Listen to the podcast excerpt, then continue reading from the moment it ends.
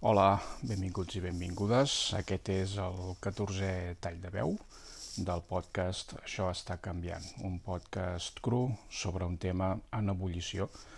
Jo sóc en Xavier Mir i el primer que m'agradaria fer és donar-vos les gràcies als qui us heu acostumat a anar escoltant o esporàdicament o de manera regular aquestes notes de veu perquè el total de reproduccions ja ha superat les 200, s'acosta a les 220 de fet, i per tant doncs, amb tota la modèstia que caracteritza aquest podcast eh, es va obrint camí i això doncs eh, sempre és una bona notícia. Avui eh, m'agradaria fer-vos eh, una sèrie de reflexions o compartir-les amb vosaltres sobre eh, el que tècnicament en diríem representacions lingüístiques, però en podríem dir simplement plantejaments, no? diversos plantejaments que pot haver-hi al nostre país, Catalunya en concret, que és on jo sóc, o el conjunt dels països catalans, eh, sobre les relacions de les persones amb les llengües, eh, així eh, agafant-ho a l'engròs. Hi ha un plantejament que no sé si us hi podeu identificar, que diria, com que aquí a Catalunya doncs, som bilingües, no? oficialment les dues llengües oficials són el català i el castellà, doncs tothom més o menys les pot fer servir totes dues, indiferentment, en qualsevol situació, pot sortir el català, pot sortir el castellà, i per tant doncs, eh, fins i tot un, eh, es poden anar alternant les llengües, comença amb una conversa en català, eh, després eh, algú surt en castellà i continuem en castellà, torna a entrar algú en català i passem al català, i així en, en un mateix grup es va canviant d'una llengua a l'altra, o una mateixa persona, doncs, en funció de amb, amb qui parla, pot mm, parlar o passar d'una llengua a l'altra. No sé si aquest és un plantejament amb el qual eh, us identifiqueu molt, si realment seria la representació més exacta i més fidel de la realitat segons el vostre criteri. Hi ha una altra manera, de, de, de, un altre plantejament, una altra representació d'aquesta realitat, que és dir, sí, sí, eh, molt de bilingüisme, molt de... sí que hi ha molta gent que té aquesta facilitat per passar d'una llengua a l'altra, però en realitat en aquest país el que hi ha són catalanoparlants i castellanoparlants que un percentatge de gent pot expressar-se en totes dues, potser sí, però en el fons un és catalanoparlant, no és castellanoparlant. I evidentment, doncs, si jo que sóc eh, catalanoparlant em trobo amb algú que és castellanoparlant, doncs a mi em sortirà si sé que és castellano parlant, encara que entengui el català i que amb altres persones vegi que el parla, jo li parlaré en castellà. No sé si aquest és un plantejament que compartiu, una reflexió eh, en la línia del primer plantejament.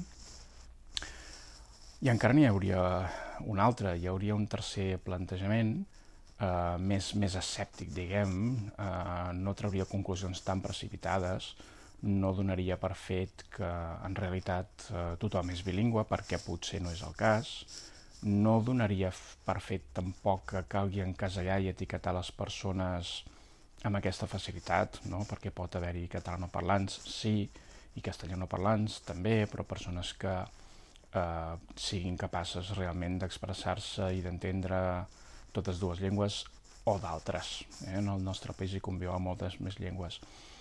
Per tant, seria un plantejament molt més escèptic que no decidiria quina llengua parla amb la persona en funció de mm, una primera reacció epidèrmica de com que m'ha parlat en castellà m'adapto al castellà sense ni rumiar-m'ho o al revés o no decidiria doncs, que parla amb aquella, llengua, aquella persona en una llengua pel fet que va ser la seva llengua inicial perquè potser després ha fet esforços per adaptar-se, per fer, per fer del català la seva llengua habitual, i aleshores, evidentment, l'estaríem frustrant, no? perquè tots aquests esforços no es corresponen amb una conversa que nosaltres li neguem. Doncs aquest tercer plantejament seria molt més escèptic en aquest sentit i intentaria buscar altres, eh, altres criteris a l'hora de decidir en quina llengua parlem amb una persona i aquest criteri seria, doncs, per exemple, el de prioritzar la llengua subordinada. És a dir, sense saber res de l'altra persona o encara que en sapiguem alguna cosa, doncs d'entrada li podríem parlar en català. No sé si us identifiqueu amb aquest plantejament o si us genera algun tipus d'inquietud. Hi ha persones que se senten incòmodes si no s'adapten a la llengua de l'altre, no?